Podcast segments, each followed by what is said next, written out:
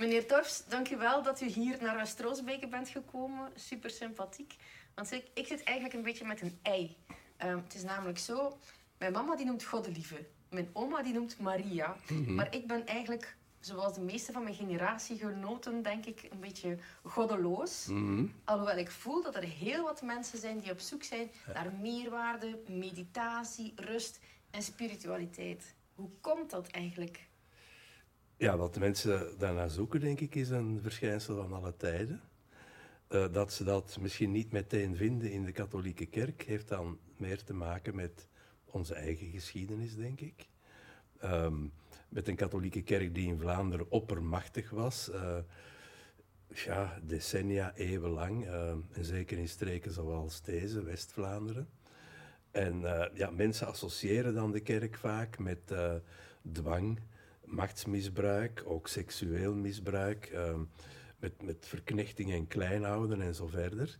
En zo is het voor veel mensen afgelopen. Ik bedoel, zij ehm, hebben een hekel gekregen aan het instituut kerk en gooien dan het kind met het badwater weg, terwijl natuurlijk de christelijke traditie, of zelfs de katholieke traditie, veel meer is dan potentaten in de West-Vlaamse aarde of zo. Hè. Wat zijn dus- potentaten? Wel ja, potentaten zijn mensen die, uh, zeg maar, uh, autoritaire dorpspastoors, uh, machtige bisschoppen en zo verder. Ja, dat is natuurlijk een imago dat mensen wel een beetje overhouden van de kerk. Ze zeggen dikwijls ook dan mensen, wat hebben ze ons allemaal wijsgemaakt? Hè? Mm Dat is ook zoiets. En dat heeft denk ik dan weer meer te maken met het, met het feit dat eigenlijk over het inhoudelijke van het religieuze uh, over de echte grote vragen. Uh, wat mogen wij hopen en verwachten in dit leven? Wat kan, uh, wat kan het christendom ons leren? Hoe kunnen we daarmee ons leven verdiepen? Dat dat overschaduwd is geraakt door andere facetten. Zoals inderdaad verplichtingen en je moet zeg maar naar de mis gaan, zelfs op school. Of je bent verplicht zus of zo te leven en, en te biechten en zo meer. En daardoor denk ik denken vele mensen dat uh, de diepere vragen geen antwoord kunnen vinden in de christelijke traditie. Ja, nogthans, eigenlijk zouden we moeten het stof ervan afblazen en dan hebben we terug weer eigenlijk waar mensen allemaal naar op zoek zijn. Ik denk dat wel. Uh, inderdaad, het stof ervan afblazen en het voorwerp zelf niet mee wegblazen. Ik heb ook bijvoorbeeld mensen gekend die uh, hun geloof verloren, zogezegd, wegens bischop Roger van Geluwe. Hè. En dan denk ik, ja, dat, dat kan ik toch niet begrijpen. Hoe kan nu een bisschop uit West-Vlaanderen, uit de buurt van Roeselare oorspronkelijk, hoe kan zo'n man ervoor zorgen dat je plotseling alle geloof verliest? Dat kan toch niet? Je hebt uh, in de kerk altijd uh, rare figuren gehad, uh, moordenaars en pedofielen, zoals je die ook elders in de samenleving hebt. Het kan toch niet dat een functionaris, een beambte van de kerk, genoeg is om alles waardeloos te achten? En hoe komt het dan? Hebben mensen dan uh, die figuren nodig om hun geloof aan af te toetsen of om hun spiritueel zijn aan af te toetsen? Hebben ze altijd wel iets nodig of ja, een vermenselijking van spiritualiteit? Uh, ja, uh, we leven in een tijd, maar ook vroeger was dat voor een deel zo, waarin personen belangrijk zijn. Hè. Dus uh, bijvoorbeeld een politicus, wil hij verkozen worden of uh, toch een pak stemmen krijgen, moet hij ook bijna aan persoonlijke branding gaan doen. Hè. Dan moet hij uh, ja, alle mogelijke trucs uithalen om sympathiek bevonden te worden of in de spotlights terecht te komen. Dat is misschien ook zo in kerkelijke kringen. Je ziet dat misschien nog het meest met de figuur van de paus. Hè. Dus wie paus is, daar wordt altijd ongelooflijk veel belang aan gehecht. de pausverkiezing uh, geniet altijd de grootst mogelijke aandacht. En dan wordt de winnaar van de prijs ja, zo wat eh, belicht. Wie is hij en zo meer, wat denkt hij. Dus dat heb je wel, dat, dat soort, ja, vedette cultus of die personencultus, zeker wanneer het om pauze gaat. Maar eigenlijk, ja... Uh, wat ik zelf denk de, de laatste jaren is dat de kerk hier misschien ten onder is gegaan, ook wel aan die schandalen, maar waarschijnlijk ook omdat er stilaan een generatie was gekomen, ook van functionarissen van de kerk en priesters, die zelf niet meer heel gelovig waren. En dus daarom ook uh, hun, hun, hun, boodschap niet meer hebben kunnen overbrengen naar de volgende generatie. Ik vond dat in mijn jeugd al, dus Ik ben geboren in 1956 na Christus. Ik heb daar dus uh, ja, lagere school gehad uh, tussen 62 en 68, middelbare tussen 68 en 74. En zeker in die laatste tijd voelde ik al, ook aan bepaalde, zelfs priesterleraars, dat dat geloof toch uh, erg formeel was geworden. En wat bedoel je dan met, um, ze zijn niet echt, echt gelovig? Wel, uh, daarmee bedoel ik zeker niet dat je diep gelovig moet zijn en met je knieën op je nezen moet gaan zitten naar boetedoening. Maar ik denk dat ze eigenlijk meer geloofden in het systeem, namelijk de kerk waarvan ze functionarissen waren, dan in de inhoud uh, van het wat paradoxale en verwarrende christelijke geloof. Ze waren meer behoeders van het systeem dan herauten van een prachtige boodschap. Dus meer uh, werknemers dan waardeverspreiders? Ik denk het wel. En mensen, ja, je hebt natuurlijk uh, in Vlaanderen ook heel lang um, het priesterschap als sociale promotie gehad. En nu is het uh, een sociale degradatie. Ouders van kinderen die nu priester willen worden, ja, die, die zetten die in de hoek met een ezelzoor of zo. Maar in die tijd, laten we zeggen 100 jaar geleden tot, tot 60, 70 jaar geleden, ja, was het bijvoorbeeld in bepaalde sociale milieus een, bijna de enige oplossing, of een van de weinige oplossingen, om te ontsnappen uit het eigen milieu, hè, dus uh, priester worden. Dus ja, die dingen spelen ook mee. Ja. Als ik nu merk uh, bij mijn bij mijn vrienden, leeftijdsgenoten, wij zijn net geen veertig, mm -hmm. zijn er heel wat die nu echt die spirituele beleving echt gaan, gaan opzoeken. Hè die wat meer dan anders gaan geloven in het universum, die hen gaan begeleiden door, uh, door coaches, die ook die een mindset ook helemaal anders gaan gaan zetten. Is dat dan ook niet een rol dat priesters en, en, en zusters vroeger hadden? Voor een stuk wel. Hè. Ik denk dat bijvoorbeeld uh, ja, de psycholoog is de onderpastoor van vroeger. Hè. Misschien met als enig verschil dat hij niet altijd met de giroleidster trouwt achteraf. Maar ja, je, hebt daar uh, ja, mensen die blijkbaar enorm veel uh, behoefte hebben aan inderdaad persoonlijke begeleiding van allerlei coaches, psychologen en anderen. Uh, ik heb daar respect voor en ik ga zeker niet zeggen dat mensen daar niet naartoe mogen gaan, want het is enorm delicaat om vandaag over die onderwerpen zelfs maar te praten en een kanttekening te plaatsen. Maar natuurlijk, een mogelijkheid is ook dat je jezelf spiritueel verdiept en ergens uh, via lectuur, via kennisname van de traditie en zo verder, dat je zelf een kader ontwerpt waarin je leeft en dat je ook kan gebruiken om met heel veel dingen in je leven om te gaan. Met uh, successen en tegenslagen, met uh, sombere en mooie dagen. Um, dat je ook niet gemakkelijk gechoqueerd en verontwaardigd bent, wat vandaag heel vlug gebeurt. Hè. En dat kun je denk ik ook tegengaan door, uh, ja, door een, een bedding te hebben waarin de rivier van je leven vloeit. En dat kan de christelijke traditie zijn of een andere, als mensen dat per se willen. Ja, noemen we het dan ons eigen microgeloof?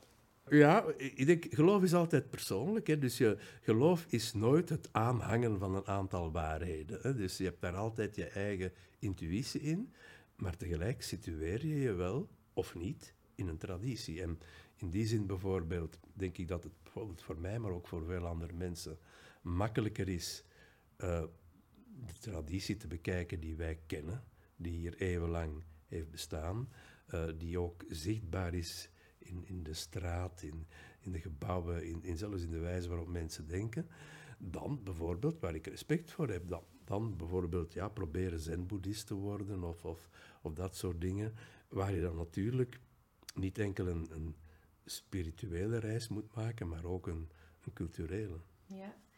Um, voelt u het ook in de maatschappij dat er daar verschuivingen zijn na corona? We hebben wat tijd gehad om rust te nemen, meer te gaan wandelen. Iedereen heeft kilometers afgelegd, heeft misschien ook tot wat inzichten gekomen. Uh, we zijn ondertussen een beetje verder. Ik weet niet of die inzichten blijven voor heel veel mensen, maar voel je nog dat dat in de maatschappij aanwezig is of niet sterker dan anders? Wel, corona, ik vond dat in zekere zin grappig. Uh, mensen zeggen dan, zegden toen, uh, alles wordt nooit meer zoals vroeger merk daar niet zoveel van. Hè. Dus uh, eens dat die onmiddellijke emoties weg zijn, uh, blijft er denk ik niet zo ongelooflijk veel uh, van hangen. maar het is wel interessant om te kijken naar onze samenleving vandaag. ik denk dat die eigenlijk wordt gekenmerkt door veel vormen van gemis ook. Vandaar dat mensen snel boos en verontwaardigd zijn, makkelijk op hun tenen getrapt. Je moet eh, vandaag enorm oppassen om mensen eh, niet te beledigen. En aan de andere kant heb je ook eh, terug een, een, een, nieuwe, een nieuw moralisme, een, een nieuwe preutsheid ook. Bijvoorbeeld het schilderij dat achter mij hangt, zou door sommige mensen al als volslagen onbetamelijk worden beschouwd. En ik wil er dus op wijzen dat u het daar gehangen hebt en niet ik. Maar dus dat wijst op een tijd waarin mensen steeds meer met regeltjes beginnen en dat men zegt, dit is niet meer van onze tijd en je mag dit niet meer doen en dat niet meer zeggen.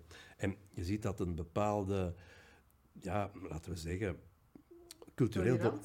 wel, die tolerantie is verminderd. En een soort cultureel dominante klasse vandaag uh, pleit voor minder tolerantie en zo verder.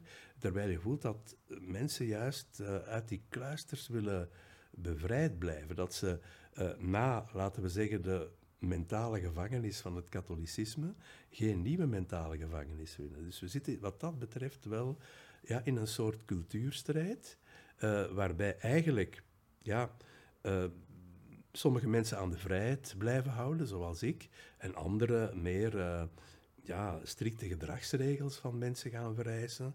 Zeggen ze hebben een voorbeeldfunctie en zero tolerance en zo verder. Uh, wat, wat, misschien leuk is voor hen, maar wat natuurlijk ook dan onrechtstreeks tot hypocrisie leidt. Als je een heilige moet zijn van de samenleving en je hebt dat niet in jou, dan rest er niets anders dan de uitweg van de hypocrisie.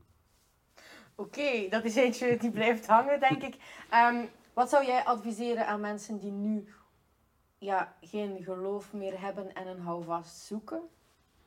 Uh, ik zou om te beginnen zeggen, uh, zoek geen houvast, maar uh, probeer de diepte van het leven te begrijpen. Ik zou bijvoorbeeld aanraden om lange wandelingen te maken, intens contact te hebben met de natuur met vriendelijke huisdieren, zoals de hond van uw vader, die je dan net mocht ontmoeten. Hè. Ehm, met ook landschappen die uh, hier natuurlijk in West-Rozebeke prachtig zijn, zeker wanneer je een studio hebt die iets hoger is gelegen. Dat is al een begin. En dan zou ik zeggen, lees, maar lees niet wat men u aanraadt om te lezen. Zo must-reads en zo. En filmen die je moet bekijken, films die je moet bekijken, laat dat. Maar probeer even te kijken naar verrassende dingen. Ik denk dat de lectuur van sommige evangelieteksten kan helpen, maar ook verrassende boeken. Bijvoorbeeld uh, um, biografieën of dagboeken van mensen die dood zijn of die nog leven, om te zien hoe zij dachten en voelden.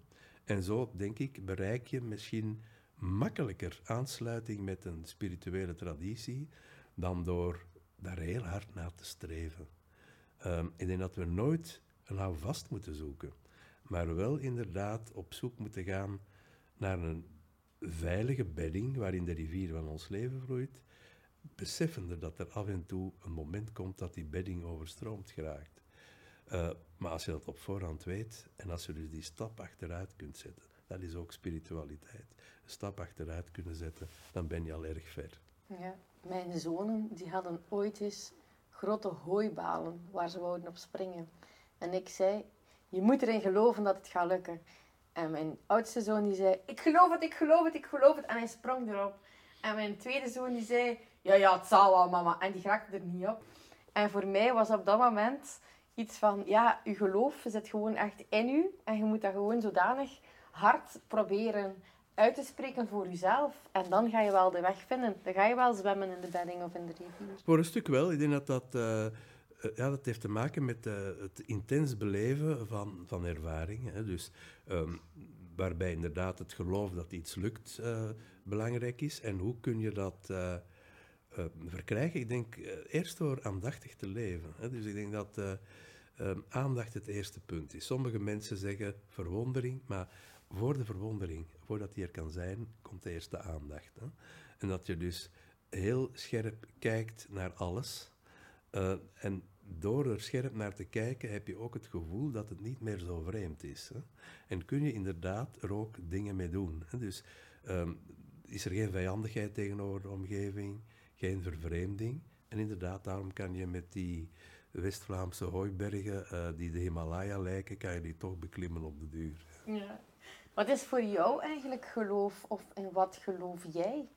Wel, ik denk dat je, uh, om te beginnen, eh, niet al te veel moet geloven. Eh, je mag ook aan veel dingen twijfelen.